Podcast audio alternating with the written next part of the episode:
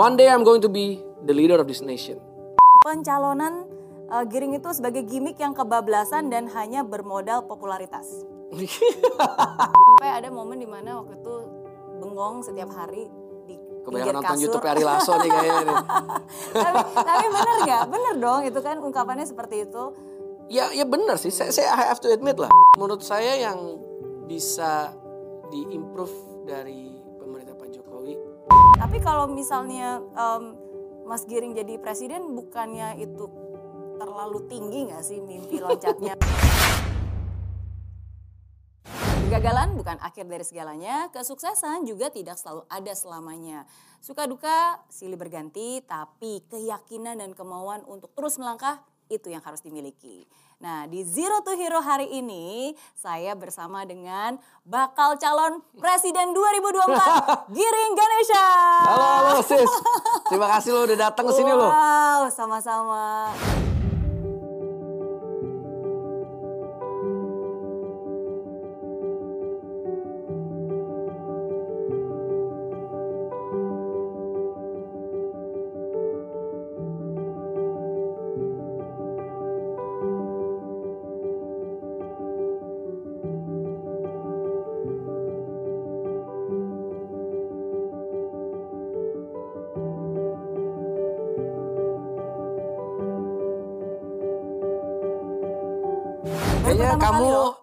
Sebagai tamu termasuk yang paling pertama nih ke ruang ketua umum PLT Partai Solidaritas Indonesia. Oh iya, serius. Iya. Emang biasanya belum ada yang ke tempat ini? Eh, kalau ini. public figure seperti kamu belum.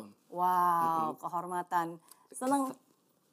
The honor is is ours and mine. Aduh, thank you, thank you. Tapi bakal calon presiden 2024, Giring. Em, setiap kali saya ketemu Giring ya, itu selalu yang difokuskan berbeda nih. Saya ingat banget pertama kali ketemu waktu itu di Metro TV, eh, saya ngundang Giring ke acara saya. Waktu itu fokusnya lagi Niji. Yes. Lalu Itu eh, sama Aisyah Jasmina masalah ya?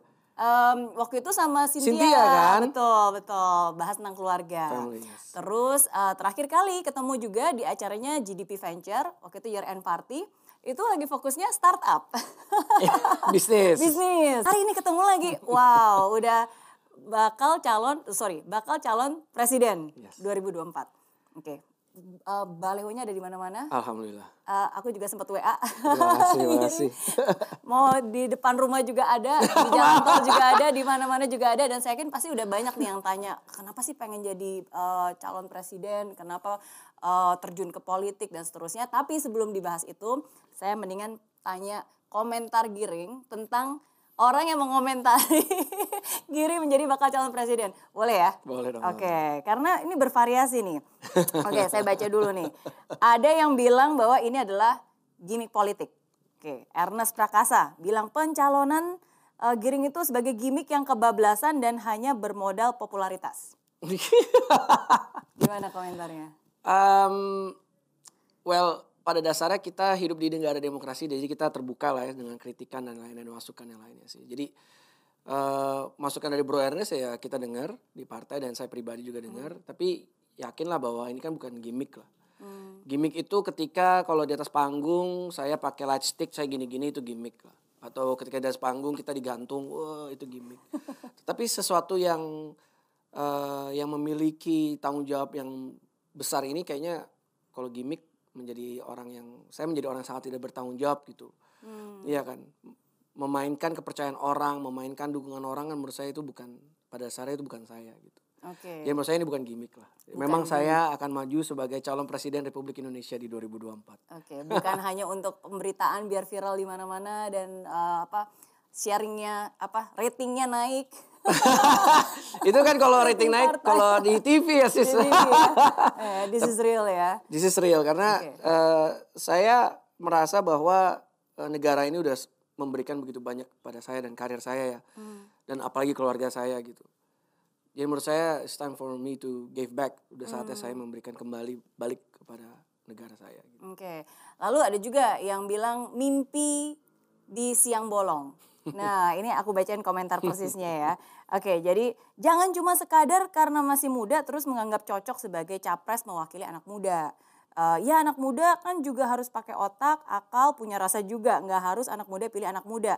Tapi boleh sih mimpi di siang bolong. Yang penting buktikan dulu kalau partai beres atau enggak. Nah ini kata uh, Pak Hensat alias Hendri Satrio, pendiri, pendiri lembaga sur survei dari Kedai Kopi. Nah gimana tuh dibilang mimpi di tengah siang bolong? Kayak dulu Abraham Lincoln juga ketika dia masih kecil dia juga punya mimpi untuk menghapuskan perbudakan di Amerika Serikat gitu. Hmm. Uh, Pak Jokowi juga pasti suatu hari bangun pagi hmm. tiba-tiba dia punya mimpi dia malamnya bermimpi besar ingin menjadi wali kota Solo habis itu jadi hmm. presiden mungkin. Hmm. Dan menurut saya Mary Riana juga sis juga pasti punya mimpi besar dong iya kan. Dan setiap orang punya mimpinya masing-masing. Saya percaya di ruangan ini juga semuanya punya mimpinya masing-masing gitu. Kalau saya yakin bahwa saya punya mimpi besar itu dan saya akan kejar dengan hmm. kerja keras. Dan bila ada orang yang selalu kayak menganggap sebelah mata dan menyepelekan yang lainnya, menurut saya itu sudah bagian dari hidup, hidup saya sih sis. Hmm. Bayangin dulu waktu di Niji juga awal-awal juga kan semua kayak ih siapa sih ini rambut kribo gini-gini ya kan. Tapi kan saya punya mimpi besar gitu, pengen yeah, punya mimpi yeah, iya. besar, pengen uh, karya saya dikenal dan dihargai gitu. Habis itu begitu bikin startup ya kan, begitu membangun industri e-sport, meyakini semua orang gitu bahwa eh ini ini ada industri loh, industri nontonin orang main video game gitu dan bertanding main video game. Hmm. Setiap hari meyakini, meyakini dan akhirnya alhamdulillah sekarang industri e-sport juga sudah membesar gitu. Hmm. Ya sama aja seperti ini gitu. Kalau misal saya punya mimpi, saya sudah biasa gitu di dibilangin ya ini itu A B C D E, tapi nggak tahu kenapa saya adalah orang yang selalu cuek kali ya Yeah. Saya punya determinasi yang tinggi dan saya siap bekerja keras itu untuk meraih mimpi itu gitu. Iya. Yeah. Setuju, setuju banget. Jadi sebenarnya kalau kita bicara tentang mimpi ya, maksudnya thank you for reminding, maksudnya uh, bro, bro gini, aku panggilnya sekarang bro. bro, bro. ya Mary Rena juga bermula dari sebuah mimpi sih, yep. memang iya. Karena kan ya mimpi adalah kunci. Betul. kayak lirik siapa ya? Iya kayak lirik yang sekarang ya. ya mimpi adalah harapan dan memang um, ya kalau buat saya pribadi sih jadi saya yang curhat. tapi Ayo, memang, please, please. Ya, ya, tapi memang, dengerin? Tapi memang setiap kali kita punya mimpi itu pasti akan ada orang-orang yang menertawakan, yang um, apa ya, yang bilang mimpi jangan ketinggian gitu. Tapi kan it's all start with a dream. Yep. Mimpi boleh-boleh aja ya asalkan bukan hanya mimpi doang ya. Kita punya plan, kita punya rencana, yep. punya uh, strategi gitu yep. untuk bisa membuat mimpi itu menjadi kenyataan. Oke. Okay. So, so it's fine ya. Biarin aja ada yang bilang ya. mimpi di Pasti sis Mary juga dulu pasti digituin juga awal-awal ya enggak. Ya nggak tahu mungkin mungkin mungkin bukan sama netizen cuman sama orang-orang yang mungkin terdekat ya sis gitu kan. Betul, betul. Tapi kan ya udah kita jalanin gitu. At, pada ujung-ujungnya kan yang menjalani hidup ini kan ya kita sendiri ya. Ya. ya. Oke. Okay. Jadi mimpi boleh-boleh aja tapi tunggu sebentar lagi kita akan kasih buktinya. Yep. Bukan hanya janji, Itu tapi yang bukti. paling penting. Itu yang paling penting. Oke, okay, ada lagi komentar yang berikutnya. Ini mereka tuh menggunakan lirik-lirik dari uh, Niji dan ditujukan kembali gitu ke Giring. Jadi kayak tadi kan mimpi di tengah siang bolong lah. Terus ada juga yang bilang berdisko di masa pandemik. Hmm. Nah ini kata dari uh, Wakil Ketua Komisi 4 DPR Pak Daniel Johan mengutip lirik lagu Giring saat masih bergabung di Niji. Disco Lazy Time gitu kan judulnya ya. Tapi Pak Daniel menyebut Giring sedang berdisko di masa pandemi yang sunyi ini. Berdisko di masa pandemi yang sunyi. Apanya yang sunyi maksudnya? Maksudnya apa ya? Ya mungkin karena masa pandemi ini kan banyak yang uh, sunyi, nggak nggak terlalu ada movement. Jadi mumpung lagi sepi, belum ada yang uh, belum ada yang apa ya, belum ada yang berani untuk maju ke depan untuk mengofficialkan jadi bakal calon presiden ya udah kalau gitu mendingan yang duluan aja deh kalau aku lihat kalau aku lihat seperti ini sis uh, justru di tengah pandemi ini saya bangga menjadi bagian dari anak muda di Partai Solidaritas Indonesia karena saya rasa bahwa Partai Solidaritas Indonesia itu lebih dari sebuah partai tapi ada hmm. gerakan anak muda. Hmm. Sis bisa lihat sendiri bahwa kita itu hampir setiap hari bergerak terus. Membantu masyarakat. Hmm baik dari petani sampai ojol hmm. itu semua bisa dibilang karena uh, dari semua pengurus memang berperan mengambil peran masing-masing contohnya Sis Grace ketua umum kita yeah. Sis ketua umum kita tercinta itu waktu itu sempat di bulan Ramadan uh, setiap hari memasak untuk 50 orang hmm. untuk dibagikan untuk membuat nasi bungkus dan dibagikan ke 50 orang miskin yang benar-benar di jalanan dan yang lainnya. Terus saya pribadi bersama istri saya waktu itu sempat ngamen solidaritas. Hmm. Kita berhasil mengumpulkan ya hampir 200 juta untuk kita belikan APD. Hmm. Dan di situ uh, mungkin akhirnya semua uh, pengurus PSI uh, merasa bahwa uh, saatnya anak muda memang mengambil peran yang besar dalam membantu masyarakat di tengah pandemi ini gitu. Oke. Bukannya berdisko ya. Terus habis itu kalau yang kita ngelihat bahwa kita belajar banget dari pemilihan umum 2019 bahwa ternyata untuk memperkenalkan sebuah partai eh, itu membutuhkan waktu yang sangat eh, panjang ya. Waktu itu kenapa PSI belum diberikan kesempatan menurut kita kita setelah mengecek ke dalam introspeksi dan kita melakukan beberapa research karena ternyata PSI sudah terlalu sibuk mengurusi verifikasi Hmm. administratif yang waktu itu memang sistem membuat partai baru sangat sulit Ya. untuk bisa bersaing. Akhirnya kita tersisa cuma waktu sedikit untuk berkampanye kan. Oke. Nah, eh, akhirnya pelajaran itu kita terima nih. Bagaimana nanti di 2024 untuk mengusung calon presiden kayaknya nggak bisa di 2023. Ya. Harus dari sekarang dari dua- 2020 investmentnya gitu. Oke. Kerja Kalau bisa kerasnya. dari sekarang kenapa nunggu nanti gitu kan? Iya. Oke, karena juga butuh waktu kan buat sosialisasi. Iya. Panjang panjang. Banyak. Oke, tapi biar fair ya, nggak nggak nggak banyak juga yang bukan hanya semuanya eh, menkomentarin dan pesimis ya, tapi ada juga yang mendukung. loh. Alhamdulillah. Ada juga yang mendukung. Nah ini salah satunya ada dari eh, Iwan Fals. Ah. Dia bilang "Eh, tak lihat-lihat, tak cermati, tak rasa-rasa, kayaknya pantas juga. Asal serius, sisa waktu 4 tahun cukuplah untuk itu Nerdface katanya. Cukup ya, berarti punya waktu eh, asalkan serius katanya. Ya serius lah sis. Nggak mungkin nggak serius sis. Kenapa serius banget pengen jadi em, presiden dari Republik Indonesia ini? Ketika dari PSI memberikan saya kesempatan ini, menurut saya ini adalah kesempatan yang adalah kesempatan besar gitu, kalau menurut saya ya. Karena jujur aja kalau saya boleh cerita ke belakang bahwa saya adalah saksi mata bagaimana negara ini, eh, bagaimana beberapa tahun belakang ini ada beberapa orang yang menggunakan politik dengan baik, yang akhirnya membuat begitu banyak orang jadi lebih sejahtera. Contohnya paling simpel ya saya dulu, kalau aku lagi traveling gitu kan, eh misal tour, misal lagi tour, eh, dari hopping dari satu kota ke kota lain misalnya naik pesawat gitu. Dulu awal-awal tour belum ada bandara sebanyak ini, jadi pasti tiga bulan nggak pulang naik bis, ya kan? Ya. Tiba-tiba udah mulai bandara di mana-mana, jalur penerbangan banyak, akhirnya sekarang bisa pulang pergi satu apa eh, 24 jam gitu. Jadi nyampe, nginep, manggung besok subuhnya balik lagi atau ke kota yang lain. Dan kita ngelihat dari perba, apa, pembangunan, misal kita ambil paling contoh adalah bagaimana politik dipakai untuk pembangunan. Misalnya tiba-tiba dulu, misalnya kita cerita dulu, bandara nggak ada yang bisa menyaingi bandara Soekarno Hatta. Ya. Sekarang semua bandara bahkan ada beberapa bandara yang jauh lebih bagus, daripada bandara Soekarno Hatta, iya kan? Iya, iya. Terus habis itu itu dari misalnya kita dari bandara, terus tiba-tiba dari kota ke kota yang lain ngelihat yang tadinya nggak ada apa-apa tiba-tiba sekarang begitu balik lagi daya beli masyarakat yang membe- meningkat, habis itu juga kita bisa lihat banyak mall yang bertu apa yang yang dibangun.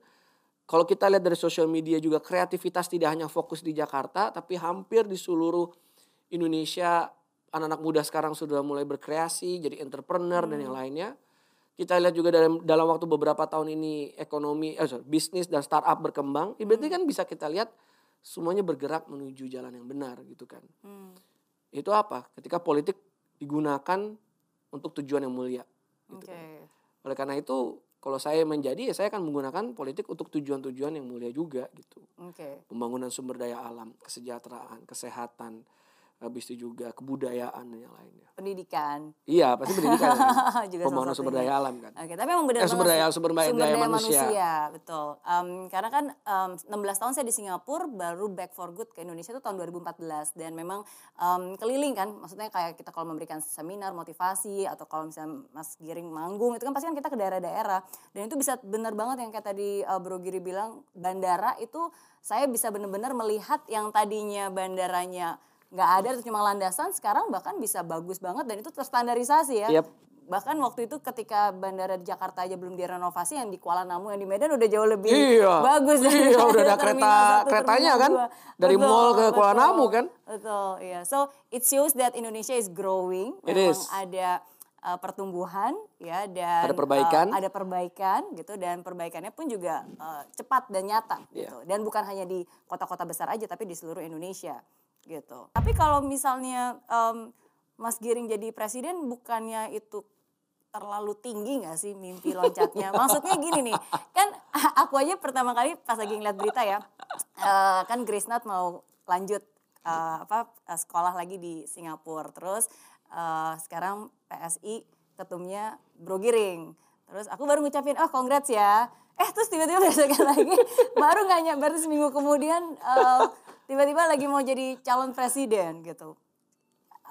Nggak um, ngerasa terlalu cepat gitu balik lagi uh, sis um, saya yakin bahwa mimpi itu ya harus dikejar hmm. dan saya yakin bahwa uh, sooner or later pasti akan ke titik itu kan hmm. ya kenapa nggak dimulai dari sekarang gitu okay. kalau kita lihat karena uh, contohnya deh kita lihat bahwa di 2024 itu kita sudah bisa menebak lah ya hmm. kira-kira siapa nih yang bakal nyalonin gitu hmm. ya nggak yeah. Ya tapi ya kayak walaupun saya, belum official ya. Walaupun belum official. Karena ya. masih mungkin uh, rekan-rekan uh, masih ya banyak strategi thinkingnya yeah. gitu. Tapi yeah. balik lagi bahwa kita kan anak muda ya, anak muda mah yang penting ya udah kita nggak banyak ngomong tapi malah hmm. banyak aksi. Itu yang saya mau juga share ke banyak anak muda di Indonesia gitu bahwa ini tidak hanya momentum buat kita, tapi ini juga menjadi salah satu bagian platform untuk belajar mengenai ya berani berpolitik gitu. Hmm. Saya senangnya adalah begitu saya maju cap pencapresan tiba-tiba respon positif bahwa anak-anak muda yang mau bergabung berjuang bersama PSI atau bahkan mereka mencari peran mereka masing-masing di hmm. daerah mereka untuk mengembangkan atau membuat perbaikan di daerah mereka masing jadi alhamdulillah jadi semakin banyak gitu loh. Hmm. DM DM itu banyak banget gitu. Okay. nanya apa yang bisa bisa lakukan buat ini? Apa yang saya ini saya ini saya itu? gitu. Okay. ya, saya coba balasin satu-satu gitu di DM ya menurut saya ini ya momentum bahwa ya sudah saat ya gitu. Selama ini anak muda ya. Ya kita nonton aja oh dia lagi. Oh yaudah antara dia atau siapa? Siapa ya? Gitu gitu tapi udah saatnya ah gue mau ah let's do this man oke okay. gitu. uh, merasa bisa uh, ada tempat di mana ini jadi representasi anak muda juga nih seperti itu kah ya itu juga salah satunya sih karena hmm. sis Mary kita yakin bahwa uh, harus lebih banyak lagi anak muda yang masuk ke kursi di DPR, DPRD, di eksekutif. Karena ya kita yang paling merasakan gitu loh hmm. di masa depan. Kalau sampai negara ini diurus orang-orang yang nggak mengerti tantangan kita sehari-hari. Menurut kita sih seperti itu. Hmm. Kalau kalau kita ngomongin tentang contoh deh regulasi lah misalnya. Yeah. Regulasi-regulasi yang yang paling simpel deh. Bahwa sampai detik ini aja tidak ada yang namanya Undang-undang tata kelola undang-undang tata kelola industri musik. Hmm. Sebuah undang-undang yang mengatur hubungan antara artis ke label, ke publisher, artis uh, publisher uh, label ke digital streaming platform. Hmm. Itu tidak ada sama sekali. Hmm. Semuanya hanya berpegang teguh sama undang-undang hak cipta. Hmm. Sedangkan semuanya menurut saya harus diregulate, harus diatur. Contoh yang paling simpel, Sis Mary. Sis Mary diundang yeah. jadi pembicara. Tiba-tiba dalam manajernya sis Mary ngomong gini, sis, uh, de, baru DP nih sis 50%. Tapi 5 menit lagi sis sudah harus naik nih. Iya. Gimana? Yeah. Terus akhirnya sis Mary bilang, ah, saya nggak mau naik. Tiba-tiba nanti si siapa namanya yang punya acara yang undang nuntut sis Mary karena nggak mau naik. Padahal sis Mary basically simple gitu. Saya nggak mau naik karena DP-nya belum 100%. Hmm. Di situ aja nggak ada yang lindungin. Kalau ada regulasinya. Kan ada surat perjanjian. Iya, memang ada surat perjanjian. Tetapi balik lagi kadang-kadang hmm tidak semua orang kan seperti si Mary yang punya hmm. tim yang komplit. Okay. Kan banyak sekali juga artis-artis, misal kita bisa bilang artis-artis daerah yeah. atau mereka yang baru mau menanjak, ya kan, mereka baru mau mulai. Yeah. Mereka nggak ada yang yang jagain gitu. Itu salah satu contohnya. Okay. Atau bahkan kebalikannya. Tiba-tiba yang mau ngundang Sis Mary gitu. Tiba-tiba Sis Mary nggak mau nggak mau gitu, nggak mau naik gitu ya mereka juga bingung kan gue harus gimana nih iya gak oke okay. jadi itu salah satunya lah maksudnya dan banyak regulasi-regulasi yang menurut kita di PSI ya kita butuh anak-anak muda yang benar-benar bisa masuk ke dalam kayak contoh yang paling simpel adalah yeah. ada sebuah undang-undang yang menurut saya lebih baik lebih cepat di disahkan gitu yaitu undang-undang uh, eh, RUU PKS yeah. kekerasan seksual yeah. itu saya selalu ngomong gitu ke teman-teman media ini kalau sampai ada sis Grace ada Samara ada Dini, ada Dara yang di dalam situ saya yakin RUU PKS itu udah kelar dari zaman dari tahun lalu lah misalnya ketika mereka menjabat. Tapi sekarang masih dibahas bahwa RUU PKS kenapa nggak selesai-selesai? Rumit gitu. Rumit apanya? Apanya yang rumit gitu bro dan sis? Maksud saya ini kan menyangkut misalnya ibu kita yang di mengalami kekerasan seksual atau adik perempuan kita atau kakak perempuan kita atau sahabat perempuan kita atau bahkan amit-amit jabang bayi anak kita gitu anak perempuan kita. Iya, iya. Ya itu itu lagi mungkin karena uh, kita tahu semuanya bahwa uh, regulasi itu penting, pembuat regulasi itu juga memegang peranan penting. Uh, ada orang-orang yang juga ingin berkontribusi tapi apa daya dengan adanya sistem suara tidak cukup akhirnya tidak bisa terrepresent di kursi DPR gitu kan salah satunya seperti itu. Iya makanya makanya lebih butuh lagi banyak anak muda yang masuk. Oke, tapi kalau misalnya ada yang bilang, tapi Mas Giring kemarin aja gagal di DPR, terus sampai stres berat, udah kita banyak sih, yang kita sih nggak dikorbankan. ngomongin gagal sih, kita ngomongin tidak diberikan kesempatan. Tidak diberikan. Oke, itu eh, sempat stres katanya. Sebetulnya kalau perolehan suara sih alhamdulillah cukup. Mhm. Cuman karena partainya tidak lulus PT aja kan, ambang batas aja gitu. Saya, Sis Grace, Isyana, Rian, Samara, eh, dan masih banyak lagi eh, teman-teman PSI yang lain yang masuk sebetulnya. Cuman karena partainya tidak lewat ambang batas, akhirnya semuanya jadi tidak lewat gitu kan. Iya, Kalau stres menurut saya normal. I'm just being a human being gitu. Saya kan manusia biasa gitu. iya.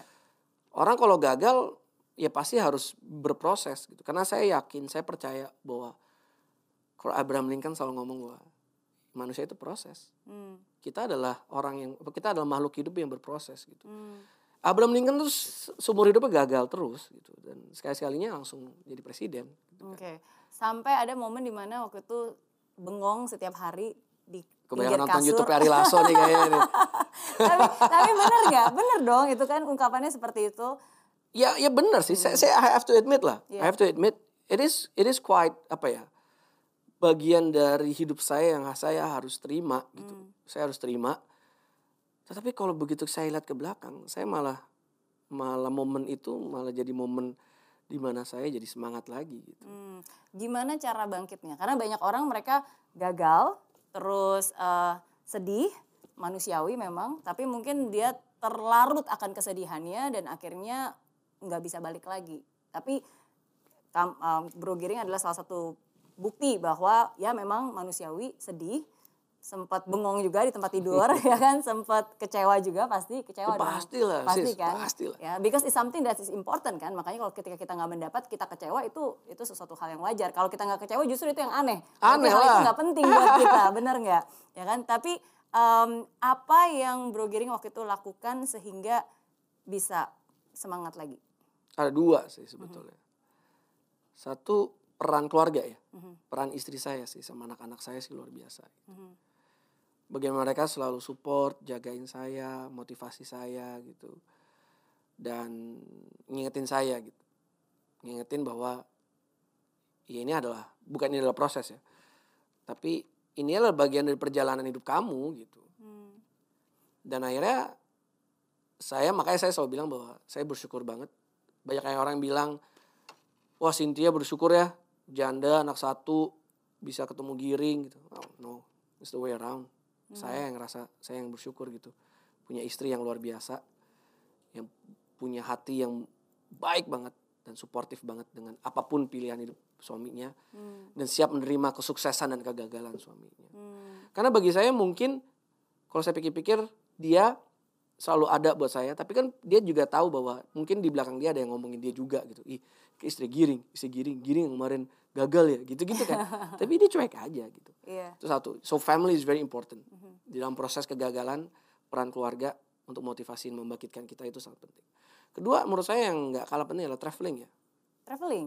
Iya. Oke. I think traveling itu adalah bagian proses kita mencari jati diri kita sih. Jadi waktu itu ketika saya jatuh, ya saya tuh mutusin untuk liburan lah. Hmm. Liburan ke mana-mana gitu sama istri gitu kan. Dari pokoknya banyak hal. Dan di situ ya saat melangkah ke tempat baru, kan refresh ya. Refresh, terus habis itu belajar lagi hal baru gitu. Dan ternyata begitu dicek, hampir semua orang-orang sukses melakukan hal yang sama. Ya. Satu contohnya.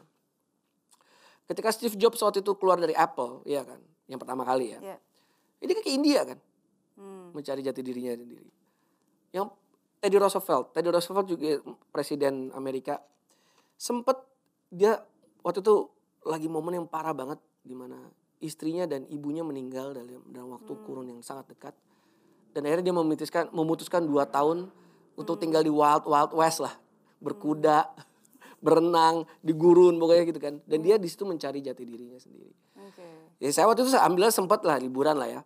Tapi karena habis itu harus mimpin perusahaan jadi cepet-cepet balik lagi sih waktu itu Oke, oke. Tapi that's that's a good way uh, bahwa ya sometimes kita harus merestart lagi uh, and by changing the environment itu juga salah Ya. satu hal yang penting untuk kita bisa mengubah ya udah cara pandang kita, cara pikir kita dan itu membuat ya it's, it's just a personal time untuk bisa merediscover Yep. what is the purpose ya kan. Ya anyway kalau buat saya sih uh, maksudnya kita semua pasti pernah mengalami kegagalan. Pasti lah sis. nggak sih? Sis- Apalagi di dunia Sis Mary juga bisnis. pasti pernah dong. Gak mungkin Sis Mary bisa sesukses ini kalau nggak pernah mengicipi rasanya pahitnya kegagalan. Pasti pasti. Tapi Iya dong. tapi emang pahit sih. Pahit Pahitnya lah. Nikmatin aja udah. Tapi I always convince myself, okay, whenever uh, there is a no, gitu kan kegagalan no, to me no is next opportunity. It's next opportunity. Jadi ya udah kalau misalnya gagal, ya mungkin mungkin kontribusi saya bukan di DPR, mungkin kontribusi saya harusnya di tempat lain, ya kan? Siapa tahu menjadi presiden itu menjadi kontribusi, Amin. ya kan? Menjadi uh, ketum PSI juga menjadi kontribusi. Jadi uh, that's that's for me sih. Uh, saya akan selalu mengucapkan kalimat-kalimat yang akhirnya bisa menyemangati diri saya sendiri untuk bangkit gitu. How about you? Do you have any mantra, kalimat-kalimat yang Giring selalu ucapkan kepada diri Giring sendiri untuk bisa like you know keep yourself motivated and bisa tetap maju? Mhm. Kalau saya sih punya mantra sih banyak ya mantranya ya. Karena kan istri saya sama saya juga rajin yoga, meditasi juga kan. Oh, oke. Dan kita juga belajar sempat waktu itu kan ikut eh, apa namanya Tony Robbins juga. Oh, wow, oke. yang Jadi- mana yang unleash the power within? Iya dong, iya dong. Wah itu gila. itu Jalan di life- atas api. Life changing itu sih. itu sih. Dan di situ kita yakin bahwa ternyata semuanya tuh ada di sini ya. Yes. Iya kan? Semua sumber kesuksesan kita tuh ternyata ada di di di ide otak dan pikiran kita gitu. Jadi mungkin saya nggak pernah punya mantra, cuman saya berusaha untuk selalu berpikiran positif Hmm. dan juga melakukan hal-hal yang positif. Gitu. Hmm. Oke, gimana cara eh, Cynthia menyemangati atau enggak kata-kata yang selalu dia ucapkan yang selalu pokoknya that's something yang selalu membuat Giring bisa tersenyum lagi, semangat lagi. Menur- menurut aku ya semua yang lagi nonton gitu, apalagi yang eh, punya pasangan ya. As simple as cuman bilang, oh my god baby I'm so proud of you. Itu aja menurut saya tuh udah luar biasa. Kayak apa pun gitu, bahkan kayak misalnya waktu itu perusahaan kita menjalankan Piala Presiden e-sport gitu kan, yang pertama dan yang kedua gitu. Dan dia ngeliat panggungnya, terus dia langsung meluk aku. Oh baby, I'm so proud of you gitu. As simple as that aja menurut saya sih itu udah udah luar biasa gitu. Dan bikin motivasi saya untuk ayo kita ngapain lagi, ngapain lagi, ngapain lagi.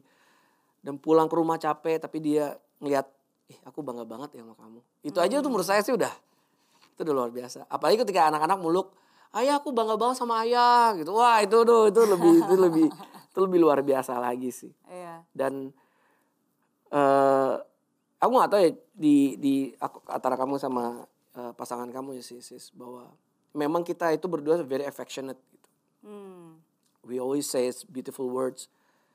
Eh, kayak misalnya dia baru bangun, ih kamu cantik banget gitu. Padahal dia baru, apaan sih kamu bohong banget, baru bangun juga gitu kan. Terus kayak misalnya dia bilang, ih kamu ganteng banget. Apaan sih? Gitu kayak, "Mana- gila, look at me nih. Gitu, kalau dulu couple of years ago you can say that. Tapi enggak kok, kamu tuh ganteng banget. Gitu. Iya, iya. Those, I think those simple gesture make you feel very happy lah. make me feel appreciated ya. Iya, feel Iya, that benar. buat- buat- bahwa ada yang notice juga dan memperhatikan dan dan care gitu dengan kita. Termasuk juga eh, ketika em, sis Cynthia memasakkan bibimbap dan ternyata rasanya enak banget. Iya kan?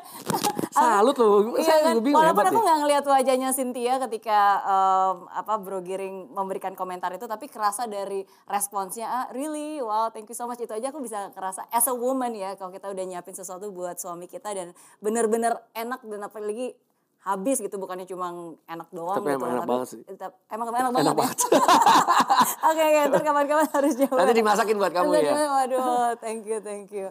Oke, tapi kan uh, again family itu pasti selalu menjadi um, apa ya our supporter ya. Iya. Karena dia mereka yang akan selalu ada di bersama kita apa pun juga situasinya, Yes. suka dan duka uh, dan akan selalu menyemangati lah.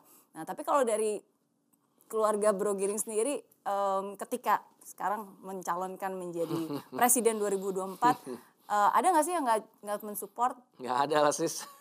Alhamdulillah nggak ada. masa sih Semuanya. atau nggak ada nggak yang bilang bukan yang nggak mensupport tapi just be realistis gitu jangan terlalu tinggi atau mungkin at least just nggak ada semuanya 100% supportive I think karena mereka tahu gitu bahwa suaminya misal ibu dari ibuku anaknya gitu misalnya atau adiknya dari kakak aku ya. Ya tahu saya tuh emang pemimpi besar dan pekerja keras gitu. Jadi mereka ya udah lo mau apa ya udah sikat aja deh gitu. Jadi udah udah mengerti banget sudah mengerti banget oke giring itu oke, seperti apa gitu. oke. Dan eh, mungkin salah satu hal kenapa saya melakukan ini semua juga salah satunya adalah tidak hanya buat Indonesia tercinta ya. Hmm, tapi saya juga harus nunjukin ke anak-anak saya gitu. Hmm, kalau if kalau kamu memang sudah mau sesuatu dan kamu mau sukses atau kamu ngapain ya kamu harus kerja keras gitu. Jadi hmm, kita harus menjadi contoh ya. Karena anak-anak kita kan ngeliat kan ya. Kenapa saya romantis? Karena bapak ibu saya romantis. Bapak saya sangat romantis ke ibu oke. saya. Kenapa saya bekerja keras? Karena saya melihat sendiri gitu bahwa bapak saya seorang wartawan harus mengambil side job yang banyak to make ends meet gitu. Hmm, Dan dia kerja keras apa pun yang dicoba untuk kerja gitu. Ya, misalnya apa pun lah foto ini foto itu pokoknya dia berusaha agar bisa dapat tambahan. hmm, Ya mungkin kepatri kan ke saya kan dari kecil kan. Oh gila nyokap bokap gue kerja keras ya. Yaudah gue juga harus kerja keras. Akhirnya sampai detik ini ya saya ya saya seorang pekerja keras gitu. Hmm, oke, oke. And one thing that I salute you, eh, pertama saya selalu salut dengan orang-orang yang bermimpi besar ya. Jadi eh, saya nggak pernah menertawakan mimpi orang itu wah Yes. terlalu besar gitu. Terus terang karena sometimes eh, saya pernah sih menertawakan satu orang bukan orang Indonesia, yaitu Donald Trump. Seriously, ini waktu itu soalnya pas lagi tahun-tahun eh, mereka lagi pemilihan presiden, kan memang kebetulan waktu itu saya sama suami memang lagi ada di New York for quite some times gitu. Jadi kita benar-benar ngikutin.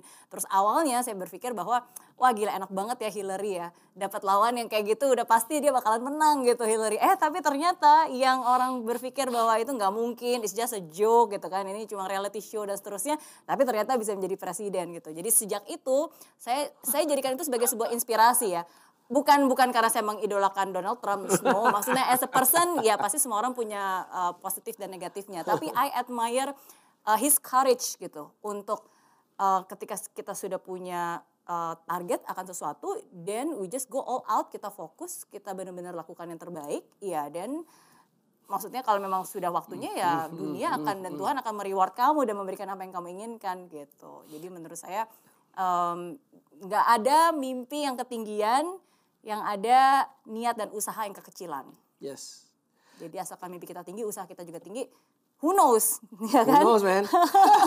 Tapi kamu ingat gak sis bahwa dulu awal Donald Trump pernah diundang kayak acara makan malam gitu terus ada Obama waktu itu masih presiden dan waktu itu oh, si Trump di roast sama Obama Oh, bisa-bisa iya. tuh sampai wah pokoknya hancur deh pokoknya bener-bener wah gitu kita semua ngetawain wah ngebully gitu-gitu cuman ya ternyata jadi loh doi. Iya. serius, serius. Dulu saya yang paling ngetawain, gila nggak mungkin banget, gila kita ketawa-ketawain aja gitu. Iya. Eh tapi ternyata lolos round berikutnya, lolos round berikutnya, lolos round Iya, berikutnya, iya. and then wow, in- eventually he becomes the president gitu.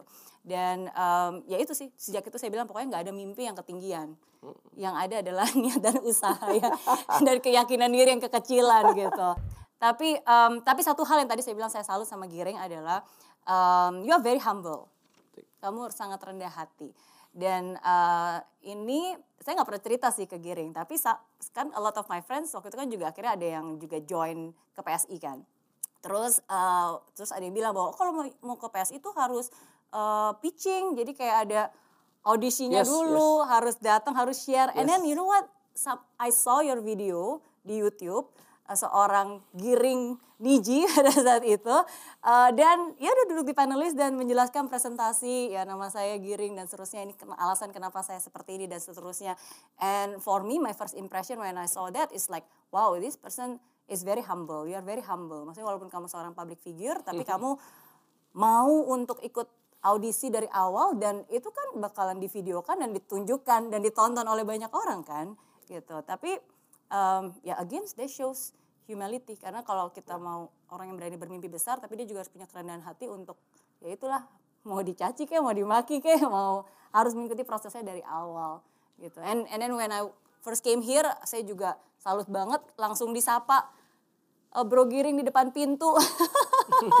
That was uh, ya itu satu hal yang aku aku salut sih. Iya dong kan tamu kehormatan, iya oh. enggak? Tapi oh. memang di PSI itu uh, humble itu adalah salah satu apa ya ciri khas kita sih gitu. Hmm. Bahwa kita memang kalau sis lihat di TV, wah kita semua kalau di TV kan vokal gitu. Tapi we believe in humble, maksudnya humility sih. Kita percaya hmm. itu banget gitu. Mental kita kan ini yang kita, saya pernah ngebahas gitu bahwa pejabat itu bahasa Indonesia pejabat lah ya kan hmm. saya orang yang pemerintahan pejabat kepala daerah gitu kan. Hmm. Tapi kalau kita runut lagi, kita tuh menganut bahwa sebetulnya mestinya pakai kayak bahasa Inggris, public servant. Hmm. You know, it's a public it's service. Service, ya betul. We're service, ya. Betul. Ya kita itu pelayan masyarakat. Hmm. Ma mana ada pelayan masyarakat yang tengil gitu, iya nggak? Ya pelayan masyarakat. Berarti bukan orang PSI. Berarti ya? bukan. Langsung banyak di kolom komen nih. ya pelayan masyarakat emang harus humble. Betul, emang harus, betul. Kita yang, benar-benar iya. benar-benar uh, di dunia politik serving ya maksudnya. Serving. Gitu. Dan itu yang saya suka dari PSI. Saya juga waktu itu kayak, Hah, saya, saya harus pitching nih. Hmm. Wah itu stres sih. Mempersiapkan materi ketika saya di diuji sama Ibu Mari Pangestu sama Pak Hamdi Muluk, mm-hmm. itu saya malam-malam latihan tuh sama istri saya. Karena cuma waktu 10 menit kan buat pitch kan. Yeah, yeah, yeah. saya masih inget banget waktu itu saya sebelum Mas Nadim menghapus UN, saya waktu itu ngomong, kalau saya masuk PSI, saya mau masuk Komisi 10, saya mau hapus ujian nasional. Kenapa?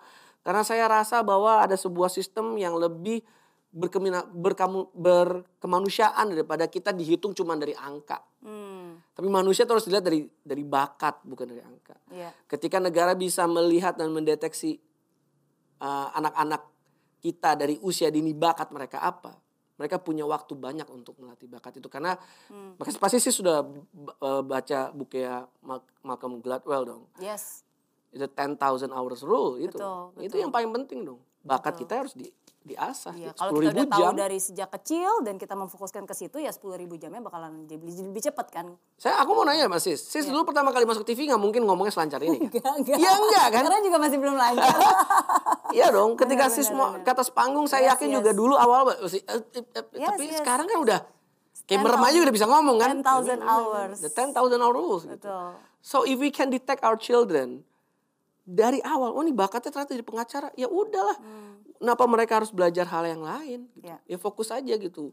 Materi-materi pelajaran yang mendukung dia nanti one day untuk jadi pengacara yang hebat. Nah, simple as that. Gitu. Oke, okay. nah itu kan dulu um, visinya ketika mau masuk PSI. Nah sekarang andaikan terpilih menjadi presiden, apa yang Giring mau lakukan? Wah banyak sis, ini panjang nih. andai kan sekarang deh, andai kan sekarang nih Giring adalah uh, seorang presiden Republik Indonesia di masa pandemi sekarang seperti ini nih, apa yang akan Giring lakukan? Ya, yang jelas gini sis, membuktikan banget bahwa di masa uh, pandemi ini bahwa ternyata sekolah jarak jauh itu ada salah satu alternatif yang sebetulnya kalau diregulate dengan baik ada banyak benefitnya juga gitu kalau hmm. menurut kita ya. Terus saya rasa bahwa uh, digitalized uh, pendidikan itu sangat penting. Hmm. Salah satu hal yang mau saya perjuangkan itu adalah ketika nanti anak-anak kita itu semua materinya adalah di tablet. Jadi saya berjuang satu anak satu tablet untuk belajar. Hmm. Untuk seluruh anak Indonesia. Gitu. Okay. Karena saya rasa juga buat apa mereka bawa buku, berat-berat ke sekolah mereka dan semuanya bisa mereka ujian di sini di tabletnya dia belajar di tabletnya semuanya dan menurut saya begitu kita hitung tim research PSI menghitung dari anggaran pendidikan semuanya make sense very visible to do it. Oke. Jadi ada ada tabletnya, ada kuotanya. Karena belajar itu seharusnya gratis, sis. iya kan? Ya. Maksudnya eh, berpendidikan itu sekarang sudah banyak pendidikan yang gratis di seluruh daerah. Ya. Kemudian kita belajar itu harus gratis. Belajar coding itu harusnya gratis. Ya. Belajar musik harusnya gratis. Oke. Misalnya seperti itu. Satu anak satu tablet. Yes, biar nggak rebutan sama orang tuanya. Iya, Beneran loh, karena kan di rumah kan gadgetnya Oh, nggak iya, banyak, iya. tapi kan semua harus Akhirnya saya from juga- home, ya kan harus study from home. Bener Saya juga nggak? kena ini kok gusuran juga kok. Karena- laptop saya sering dipakai juga. Karena bisa dipakai. Oke, aku pengen nunjukin nih ada gambar. Dar, ini gambar eh mana nih? Oke, ini gambarnya. Ini dari Instagramnya Mas Giri. Yes. Ini Wah, waktu pertemuan Istana tertutup. Presiden ketemu dengan Pak Jokowi. Tapi aku penasaran sama komentarnya karena captionnya dia bilang terima kasih atas saran-saran dan nasihatnya untuk Grace-Nat, saya dan PSI. Nasihat Bapak benar-benar menguatkan. Sekarang saya mau tanya dinasihatin apa sama Pak Jokowi. Pak Jokowi bilang apa waktu itu ke eh, Bro Giring? sejujurnya sih banyak banget hal yang karena itu kan pertemuan tertutup ya. Mhm. Iya kan. Jadi eh, kita itu tidak bo bukan tidak boleh, tidak bijak lah untuk men-share eh, hal-hal yang very sensitif lah. Hmm. Tapi yang jelas keadaannya sih waktu itu saya lihat adalah Pak Jokowi yang jelas kurusan banget. Oh, oke. Ya karena tiap hari beliau mikirin masyarakat di tengah pandemi ini. Hmm. Dan yang ada cerita-ceritanya yang guyonan-guyonan beliau yang menurut saya juga masih terngiang gitu. Tapi salah satu nasihat yang saya akan pakai adalah ya ketika kita mau menang apa pun itu karena pemilih kita adalah masyarakat ya kita harus siap keringetan gitu. Hmm. Siap keringetan maksudnya harus banyak ya turun ke masyarakat dan mendengarkan problem-problemnya mereka gitu kan. Dan alhamdulillah kemarin waktu lagi pemilihan legislatif saya juga sangat rajin gitu untuk eh, belusukan lah ya. Saya ingat banget dari pagi sampai malam tuh kayak wah ketemu masyarakat gitu. Jadi alhamdulillah juga kemarin PSI di Bandung dan Cimahi dapat 90 ribuan suara kan. Hmm. eh ya nasihat Pak Jokowi ya pasti salah satunya yang paling berkesan adalah ya siap berkeringat aja gitu. Hmm. Bukan masalah berapa seberapa banyak duit yang lu punya. Tapi seberapa mau kamu kerja keras untuk bertemu masyarakat. Itu yang Oke. paling penting. Oke, karena bagaimanapun juga sebagai seorang pemimpin tetap nggak bisa di belakang meja ASEAN gitu Ah, kan, bisa. merintah tetap tetap tetap harus turun ke bawah, tetap harus keringat juga. Yep. Hmm, Oke, komentar sis Grace apa nih ketika waktu itu uh, Bro Giring pengen jadi bakal calon presiden? Diskusi dulu nggak sih? Apa jangan-jangan idenya sis Grace lagi? eh ya sis Grace, eh, ya sis ketum kita. Waktu itu sih ngobrol awal-awalnya memang kita belum sedetail ngomongin presiden ya, tapi baru ngomongin tentang dia harus kuliah. Hmm, dan ternyata kuliahnya sibuk banget. Dan sudah dan dia pengen saya untuk run the the party gitu karena punya pengalaman memimpin perusahaan kan. Hmm, dan membangun industri e-sport waktu itu.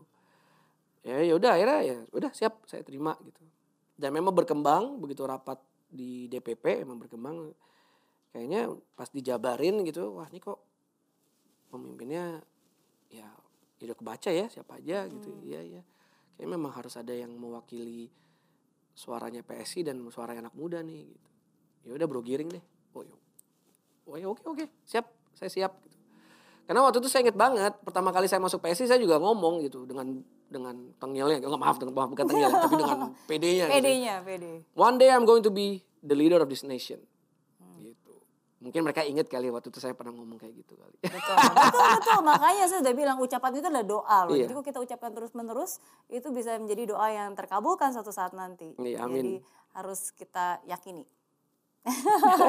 Seberapa yakin Giring akan menjadi Presiden Republik Indonesia?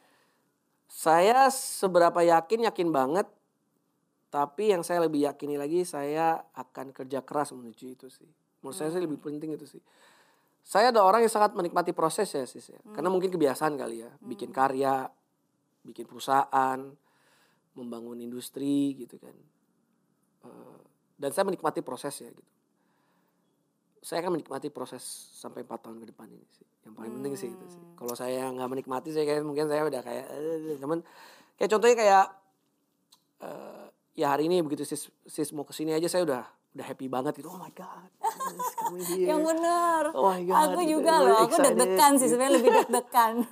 Oh my god gitu kan jadi seneng banget gitu karena kan nggak nggak semua loh sis mau diundang ke kantor partai kan cuma sis oh ya kenapa? I don't know I don't know cuman mungkin sis lebih lebih apa ya ya karena tahu bahwa ini partai startup ya Oh iya, ini partai startup Indonesia nih gitu kan dan kedua juga mungkin sis melihat bahwa kita adalah lebih kayak gerakan anak muda ya Yes, yes, yes, betul, betul. Karena eh, ya again, karena em, oh kebetulan juga memang beberapa dari bro and sis dari eh bukan bro sih, you are the first bro from PSI yang sharing di YouTube saya. Sebelum ini ada sis Grace Natali, ya? ya kan, sis Samara, terus ada siapa lagi ya?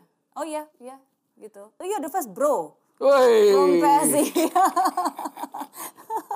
Oke, tapi aku nggak ngelihat, aku nggak ngelihat partainya apa, terus kayak wah nggak mau datang ke partai dan seterusnya enggak sih. For me, yang paling penting adalah asalkan em, punya mimpi yang baik untuk Indonesia dan melakukan sesuatu yang baik, ya why not? Itu kan juga yang paling penting kan sebenarnya hasilnya seperti apa, bukan bukan apa ya, bukan di belakangnya logo apa. Yang penting kan hasil bentuk nyatanya seperti apa itu. I think that's you, yang penting. Em, Oke, pertanyaan beberapa pertanyaan lagi nih. Kalau eh, Bro Giring bisa kembali ke masa lalu dan menasehati Bro Giring yang masih eh, apa ya, masih muda, nggak muda-muda banget ya. Ulang, ulang. Oke, kalau Bro Giring bisa kembali ke masa lalu dan menasehati Giring yang baru aja pertama kali terjun ke politik. Apa nasihat yang Bro Giring sekarang mau berikan ke Bro Giring yang dulu? Hmm, that's a good question ya.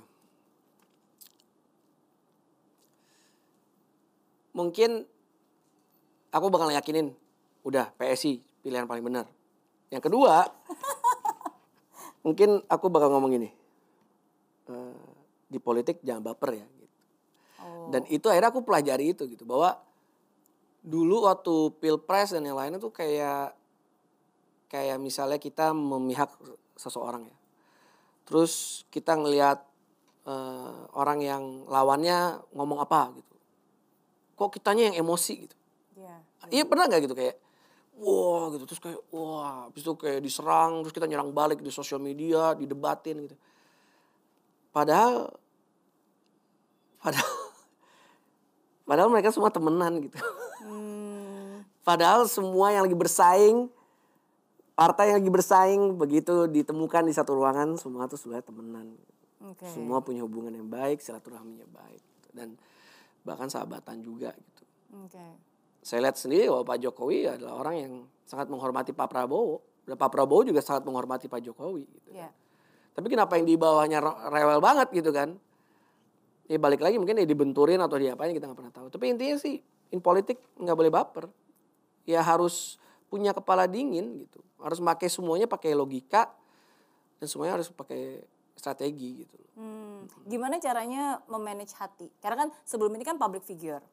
Sekarang juga sudah sekarang juga masih public figure, tapi kan sebelum ini kan sebagai seorang vokalis eh, pasti banyak banget dipuji-puji, dielu-elukan, wah giring, giring gitu kan. Dan banyak pujian-pujian. tapi ketika sekarang eh, mungkin berubah profesi, apalagi terjun ke dunia politik itu kan pasti banyak yang mungkin dalam tanda kutip mencaci, yang nggak nggak banyak nggak semua orang memuji-memuji, tapi kan lebih banyak komentar-komentar negatif yang bilang beginilah begitulah.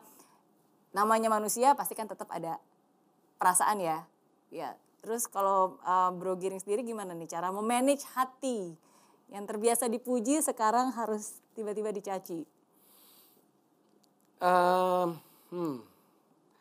Tapi kalau boleh jujur ya Sis Mary ya, dulu ada satu momen di mana saya juga pernah kena star syndrome lah ya, itu karena terlalu terlalu memakan bulat-bulat pujian dan akhirnya saya jadi nggak humble dan lupa daratan dulu ya waktu habis album kedua lah sebelum Laskar Pelangi deh Oke. itu lagi itu lagi star syndrome banget gitu dan akhirnya setelah lewat Laskar Pelangi kan saya sama teman-teman Iji bilang bahwa ternyata eh, star syndrome tuh palsu ya gitu. maksudnya itu semua fake gitu memang ada orang yang menggemari karya kita. Misalnya contohnya kayak Nijiolik yang menggemar, menggemari karya kita itu kita akan treat them wah luar biasa. Terima kasih banget ya udah beli albumnya, makasih udah hafalin liriknya, makasih udah datang setiap kali kita manggung. Itu pasti akan treat kita, kita akan treat mereka dengan baik. Tapi kan ada juga orang yang ya muji cuman karena muji-muji doang, basa-basi deh yang atau mengelulukannya juga palsu gitu kan. Itu juga banyak. Daerah kita ngerasa sadar bahwa let's back to our core. Itu apa sih? Ya, waktu itu musician gitu kan.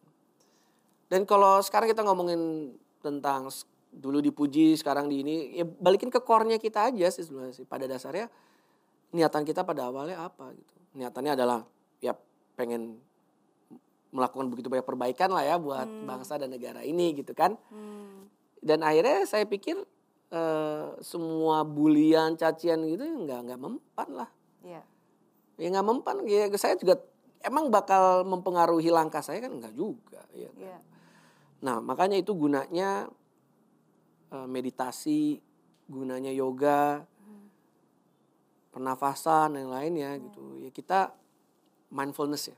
Iya. Itu juga membuat kita jadi disiplin menge- mengatur hati dan pikiran kita ya. Oke. Jadi Mas Giring sekarang you practice meditation. Mind, ya of course lah mindfulness, Oh, yoga. yoga sama istri saya. Oke. Aduh, gitu. aku aja enggak. Seru loh. You should do it with your, with your husband.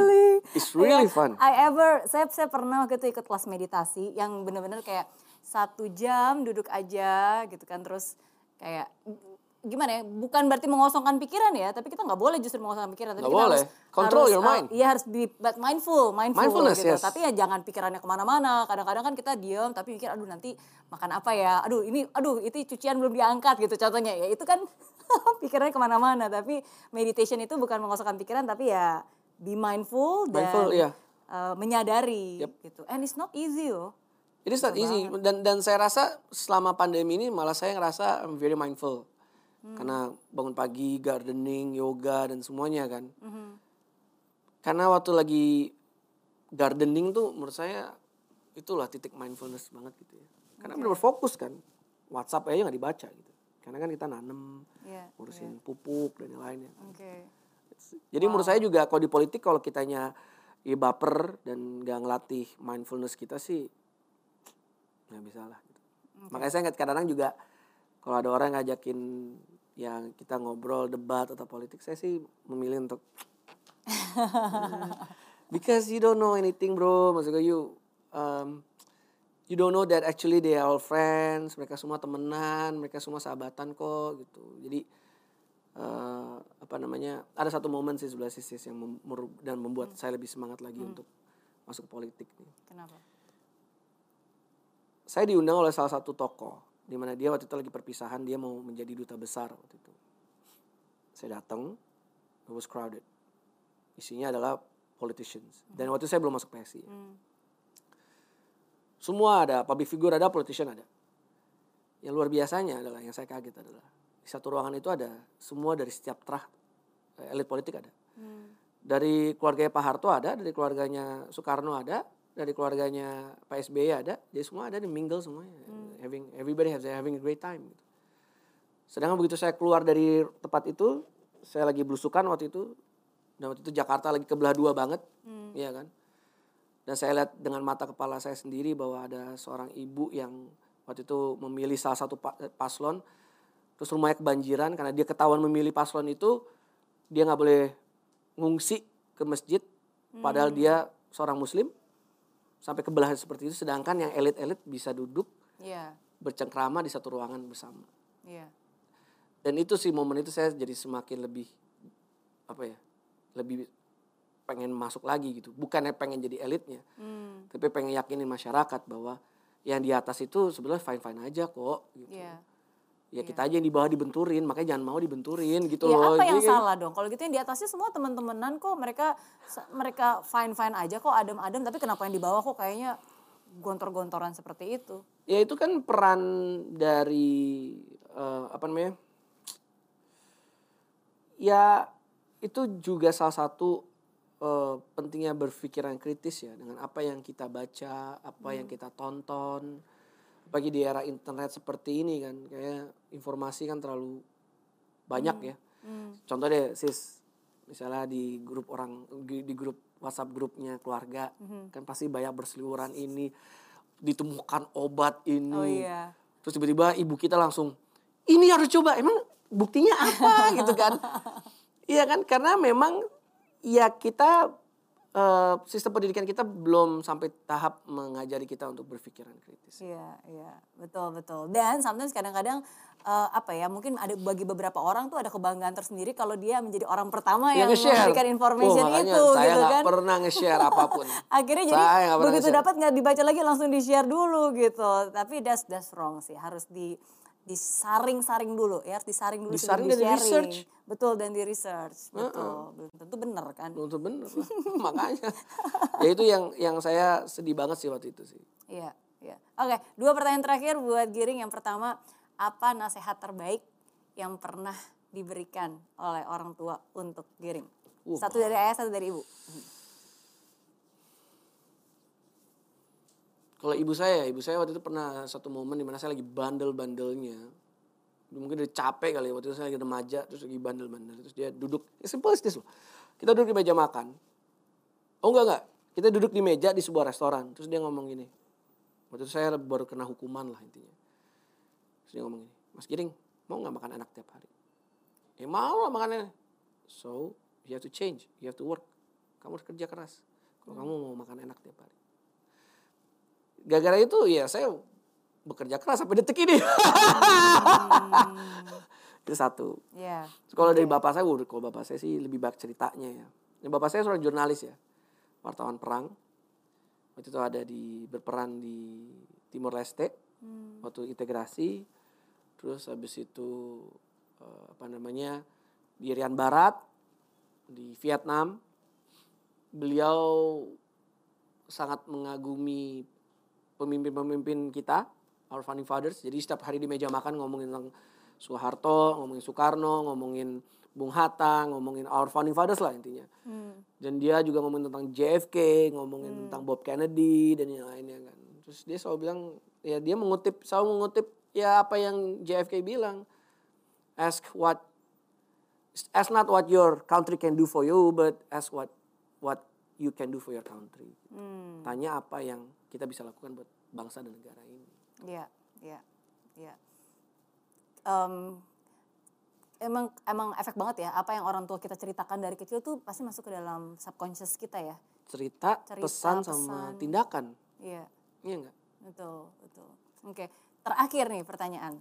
Tadi kalau saya baca dari ceritanya Giring dan eh, Giring tuh eh, sangat banget mengidolakan eh, hasil kerjanya Pak Jokowi dari sejak Pak Jokowi waktu itu jadi gubernur di Jakarta ya kan? Yang tadinya rumahnya kebanjiran terus tiba-tiba kok jadi nggak banjir ya?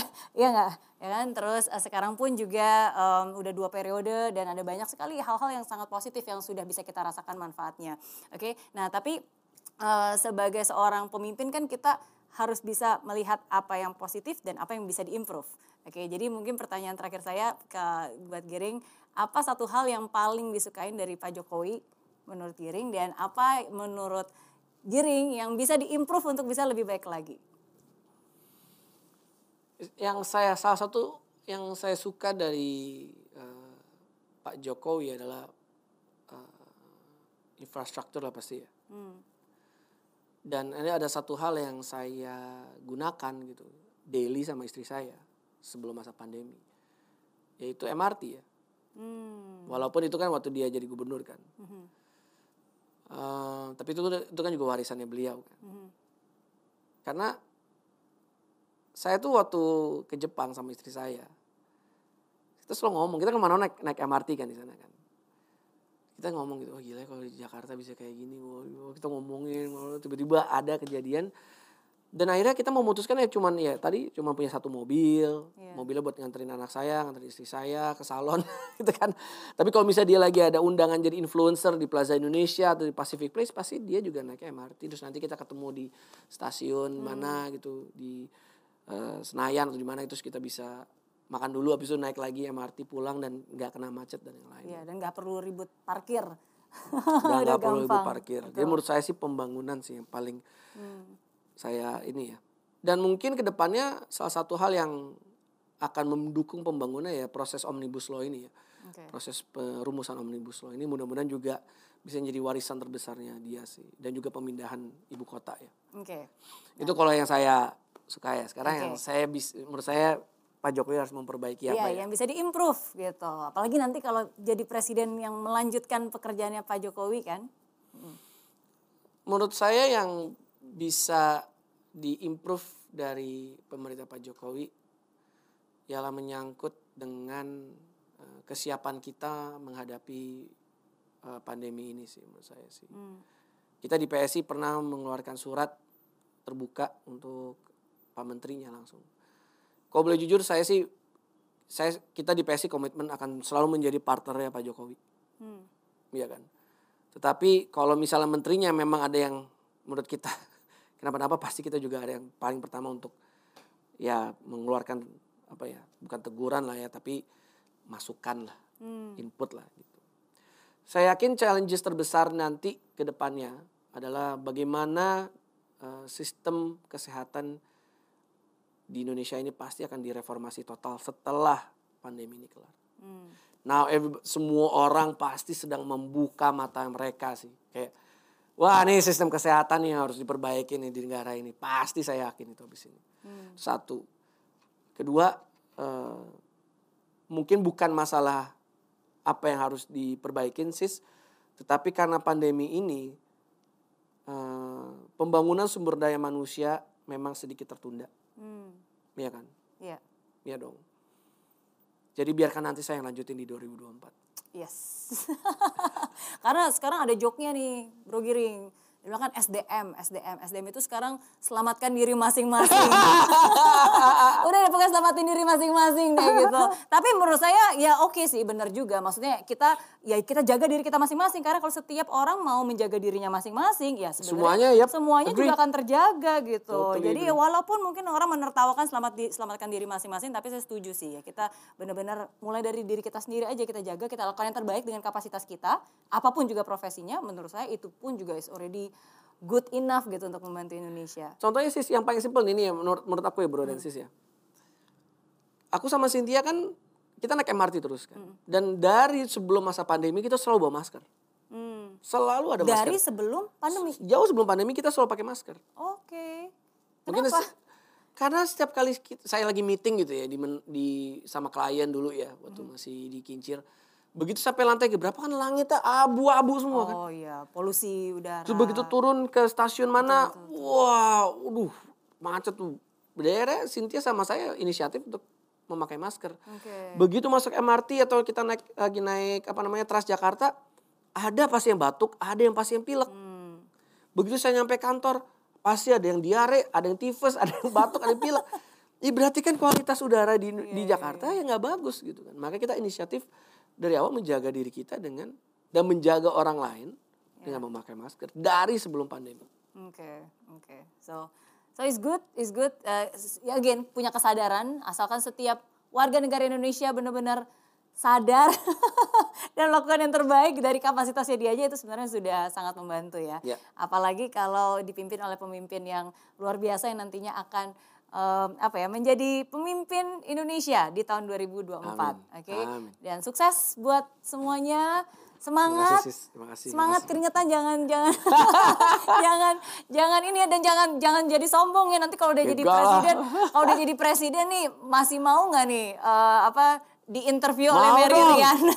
Bener ya? Ntar udah Mau ya, bener ya? bener ya? Nanti kalau saat saat nanti jadi presiden tahun 2024 eh, ntar ngobrol-ngobrol lagi kita bahas tentang mimpi-mimpi yang waktu itu kita tertawakan sekarang ternyata jadi kenyataan. Amin, amin. gitu ya? Amin amin. Sukses terus. Yes. Dan seperti yang selalu saya bilang setiap orang itu punya cerita dan setiap cerita selalu ada pembelajaran berharga semoga cerita dari Giring Ganesha hari ini bisa menjadi pembelajaran berharga buat kita semua. Oke apa pun yang terjadi mimpi boleh besar tapi ingat fight till the end and never give up. Oke, thank you bye